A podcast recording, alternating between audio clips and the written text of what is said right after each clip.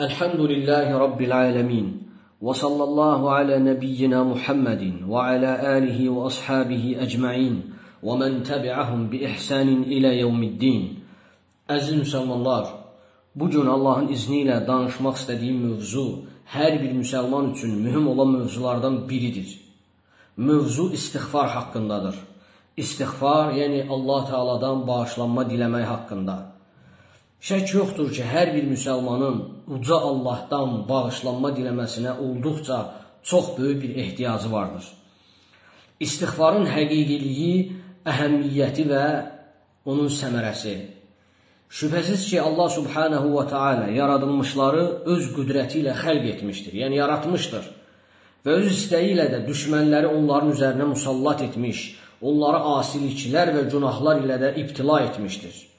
Buna baxmayaraq, eyni zamanda da Allah subhanahu və teala onlardan tövbə etmək istəyənlər üçün də tövbə qapısını açmışdır və onları günahlardan geri dönməyə çağırmışdır. Günahlar nə qədər böyük olsa da belə, hətta göy səmasına çatsa da belə, onları istighfar etməyə və qurtuluşa çatmağa yönəltmişdir. Allah subhanahu və teala bu günahlardan qurtuluşa çatmaq üçün yol göstərmişdir. Sahabələrdən olan Əbu Zər, Allah ondan razı olsun, belə demişdir. Hər bir xəstəliyin dərmanı var.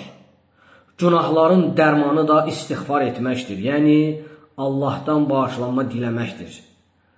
Tabinlərdən olmuş Qatədə, Allah ona rəhmət etsin, deyir. Həqiqətən bu Qur'an sizə xəstəliyinizi və dərmanınızı göstərmişdir. Sizin xəstəliyiniz günahlar, dərmanınız isə istighfar etməkdir. Allahdan bağışlanma diləməkdir. İstighfarın həqiqiliyinə gəldikdə, istighfarın mənası Allahdan bağışlanma diləməkdir. Bağışlanma diləmək, günahların şərrindən qorunmaq, günahların yuyulması və eyni zamanda da günahların izinin də yox olmasıdır. Bağışlanma diləməyin mənası odur ki, günahın şərrindən qorunduğuna görə qula əzab olunmaz. O kəsin ki, günahları bağışlanarsa, ona əzab verilməz. İstighfar, Allahdan bağışlanma diləmək tam, kamil şəkildə olarsa və günahda israrsız olunarsa, bu bağışlanmaq üçün əsas səbəbdir. Əsas odur ki, qulun tövbəsi səmimi olsun. Qul Allah Taalaya səmimi tövbə etsin. Peyğəmbər sallallahu alayhi və alihi və səlləmdən rivayet olunan bir hədisdə o belə demişdir. İstighfar edən kimsə gündə 70 dəfə etsə də, yəni günah etsə də israr etmiş sayılmaz. Yəni günahda israr etmiş sayılmaz. Bu hədisi Abu Davud və Tirmiz rivayet etmişdir. Lakin hədis zəifdir. Düzdür, alimlərdən İbn Kəsir, İbn Həcər və Şuayb Arnavud hədisin həsən olduğunu demişlər. Lakin hədis alimlərinin çoxluğuna görə bu hədis zəif hesab olunur.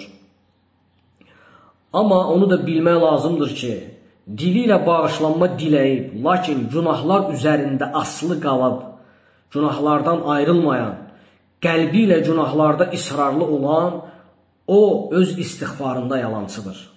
Necə ki, İbn Abbas, Allah ondan razı olsun, demişdir. Günahından istighfar edən kəs, günah üzərində oturub qalarsa, yəni ayrılmazsa günahdan, o öz Rəbbi ilə istehza etmiş kimidir. Həmçinin sələflərdən biri belə demişdir. O kəsin ki, istighfarının səmərəsi olmazsa, tövbəsini doğrultmazsa, həyata keçirməzsə, o öz istighfarında yalancıdır. Tabinlərdən olan Fudeyl ibn İyad, Allah ona rəhmət etsin, belə deyir. Hərəkətsiz istighfar yalancıların tövbəsidir. Yəni, əməlsiz istighfar və heç bir əməl göstərilmədən olunan istighfar yalancıların tövbəsidir. Etiqadın yaxşı, düzgün olması, Allahı təkləşdirmək və xalis tövhidin olması labüddür ki, hətta insanın istighfarı qəbul olunsun. Onun günahları göyə çatsa da belə. Necə ki, bu haqda Allah subhanahu və teala qudsi hədisdə bəyan etmişdir. Ənəs ibn Məlikin, Allah onda razı olsun, rəvayət etdiyi qudsi hədisdə Allah subhanahu və teala belə buyurur. Ey Adəm oğlu, həqiqətən sən məni çağırsan, mənə dua etsən və mənə ümid etsən, sənin günahını bağışlayaram və buna önəm vermərəm, yəni günahına önəm vermərəm.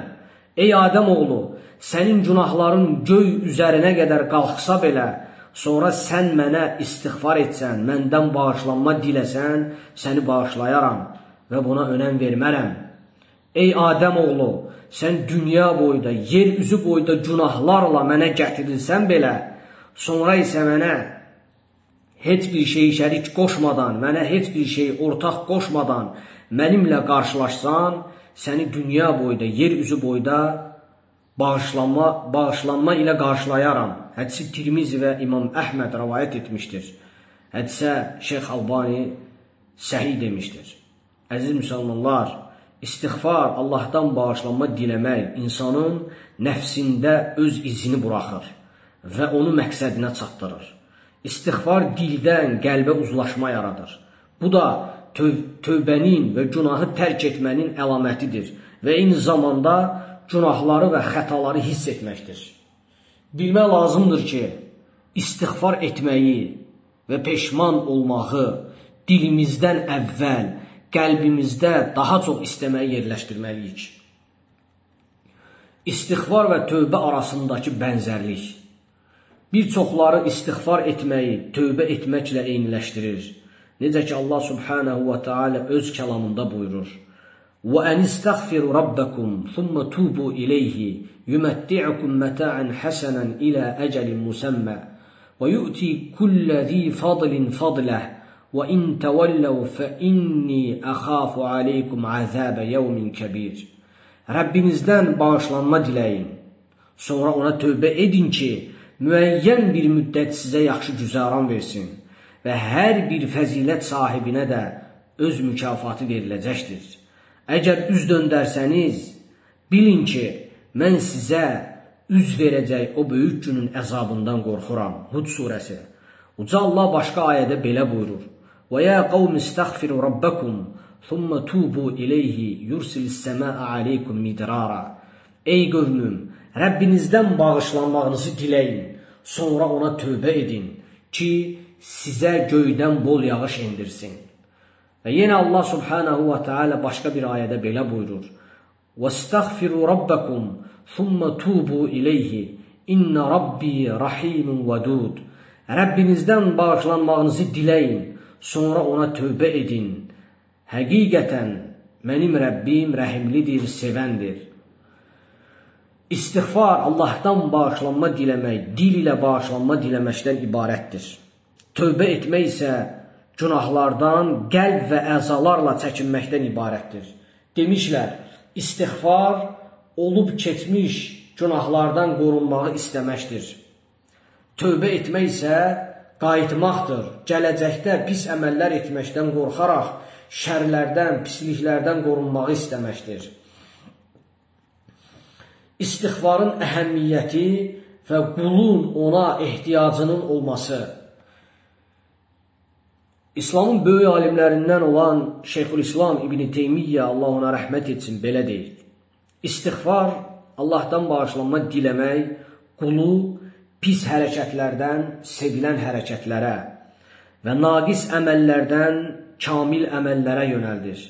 Qulu aşağı məqamdan uca və kamil məqama qaldırır.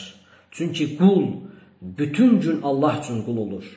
Daha doğrusu, hər saatda və hər anda Allah üçün qul olur. Allaha aid olan elmi artar, dinində və ibadətində bəsirətli olar. Beləcə, o yeməsində, içməsində, yatmasında, oyanmasında, sözündə və əməlində məqsədini tapar. Uca məqamlarda qəlbinin qarşısında öz təqsirini görər və onların haqqını verər. Qulun gecə və gündüz istighfara, Allahdan bağışlanma diləməyə ehtiyacı var. Daha doğrusu, onun daim sözlərdə və hallarda istighfara daha çox ehtiyacı var gizlində və aşkarda. Gizlində və aşkarda onda bir çox mənfəətlər var. Mənfəətlərdən xeyirləri əldə etmək, zərərləri isə dəf etməkdir.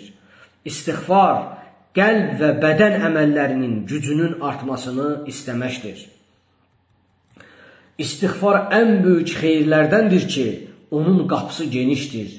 Kim sözündə, əməlində, vəziyyətində, ruzisində və ya qəlbinin çevrilməsində hər hansı bir qüsur, nöqsan hiss edərsə, qoy tövhid və istiğfar üzərində olsun və bunlardan ayrılmasın.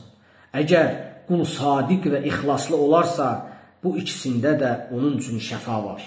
Həmçinin qul yaxınlarının, əhlinin, evladlarının, qonşularının və din qardaşlarının haqlarında təqsirli olarsa, onlar üçün dua etsin və istiğfar etsin. Hüzeyfə İbn Yəmən Allah ondan razı olsun. Bir dəfə Peyğəmbər sallallahu aleyhi və alihi və səlləmə belə dedi. Mənim dilim əhlimə qarşı kəskindir. Bu zaman Peyğəmbər sallallahu aleyhi və alihi və səlləm ona belə cavab verdi. Bəs sənin istiğfarın haradadır? Mən gün ərzində 70 dəfədən daha çox Allahdan bağışlanma diləyirəm. Burada Şeyxülislam İbn Teymiyyənin sözü sona çatır və bu Məcmu'l Fətava əsərində zikr etmişdir. Əziz müsəlmanlar, elə isə bu məqamda və bu yerdə bizə istighfar, Allahdan bağışlanma diləmək yaraşmazmı? Bir məclisdən və ya bir yerdən ayrılmamışdan qabaq hər bir vaxtda dilimizi istighfara və tövbəyə alışdırmalıyıq. İstighfarı qorumağa səy göstərməliyik və daim istighfar etməyə can atmalıyıq uca Allahın haqqında da qüsurlarımız və günahlarımız üçün dua edərək Allahdan bağışlanma diləməliyik. Allahdan istəyirəm bizim günahlarımızı bağışlasın. İstighfarın səmərələri və faydaları. Şübhəsiz ki, istighfarın səmərələri qəti və faydaları isə olduqca çoxdur. Bu səmərələrdən birincisi pisliklərin kəffarəsi, yəni qurtulmaq və insanın dərəcəsinin yüksəlməsidir. Allah subhanahu və taala öz kitabında belə buyurur: "Və men ya'mal su'an aw yazlim nafsahu thumma yastaghfirillaha yajidillaha ghafurar rahima." Kim pis bir əməl edərsə və ya öz nəfsinə zülm edərsə, sonra Allahdan bağışlanma diləyərsə, Allahın bağışlayan, rəhimli olduğunu görər. Nisə surəsi Allah subhanahu və taala qudsi hədisdə belə buyurur: Ey qullarım, şübhəsiz ki, siz gecə və gündüz günahlar edirsiniz. Mən bütün günahları bağışlayanam. Elə isə məndən bağışlanma diləyin ki, sizi bağışlayım. Hədisi Əbu Zər Əl-Qaffari rivayət etmişdir, Allah ondan razı olsun. Hədis Müslimdə keçir. Əbu Hureyranın rivayət etdiyi başqa bir qudsi hədisdə Allah ondan razı olsun. Allah subhanahu və taala gecənin axır üçdə biri olan zamanda öz qullarına nida edərək belə buyurur: Kim məndən bağışlanma diləyərsə, mən onu bağışlayaram. Hədisi Buxari və Müslim rivayət etmişdir. İstighfar etmək, Allahdan bağışlanma diləmək, qulu aşağı məqamdan uca məqama, naqislikdən kamilliyə və ikrah olunmaqdan da sevilməyə yüksəldir. Həmçinin Əbu Hureyra, Allah ondan razı olsun, Əbu Hureyranın rəvayət etdiyi başqa bir hədisdə Peyğəmbər sallallahu aleyhi və səlləm buyurur. Həqiqətən Allah Azza və Cəllə cənnətdə əməli salih qulun dərəcəsini yüksəldir. O əsnada qul belə deyir. Ey Rəbbim, mən bu dərəcəyə necə çatdım? Necə oldu mən bu dərəcəyə çatdım? Uca Allah buyurur. Bu dərəcə sənin evladının sənin üçün bağışlanma diləməsi səbəbilə oldu. Həci İmam Əhməd və İbn Məcə rivayət etmişdir. Şəvkani Fəthül Qadir Albani Sahih Əl-Cəmi əsərində səhih demişlər. İkinci səmərələrdən istighfar əzabın və müsibətlərin dəf olması və bəlanın qalxması üçün də bir səbəbdir. Necə ki bu bilinmişdir ki, asiliklər və günahlar da əzabın baş verməsi və gəlişi üçün başlıca bir səbəbdir. Necə ki bu haqqda Allah subhanahu və taala belə buyurur: "Və ma asabakum min musibatin febima kasabat aydikum və ya'fu an kəsir." Sizə baş verən hər bir müsibət öz əllərinizlə qazandığınız günahlardandır. Buna baxmayaraq Allah günahların çoxunu əfv edir. Şura surəsi həqiqətən də Allah subhanahu Allahdan Allah subhanahu və teala'dan bağışlanma diləmək əzabın və müsibətin dəf olması üçün əsas səbəblərdəndir. Necə ki Allah Taala buyurur: "Və ma kana Allahu muazzibahum və hum yestəğfirun." Onlar bağışlanmalarını dilədikləri təqdirdə Allah onlara əzab verməz. Ənfal surəsi. İstiğfar insana gələn bəlanın qalxması üçün də bir səbəbdir. Allah Taala Yunus peyğəmbərin Allahın salamı onun üzərinə olsun, başına gələn vəziyyət haqqında belə buyurur. فلولا أنه كان من المسبحين للبث في بطنه إلى يوم يبعثون Əgər o Allahı çox təsbih edənlərdən olmasaydı, qiyamət gününə qədər balığın qarnında qalardı.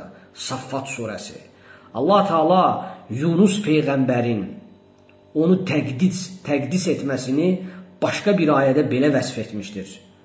Buyurur: La ilahe illa ente subhaneke inni kuntu minez zalimin. Səndən başqa heç bir məbud yoxdur. Sən müqəddəssən. Həqiqətən mən zalimlardan olmuşam. Ənbiya surəsi.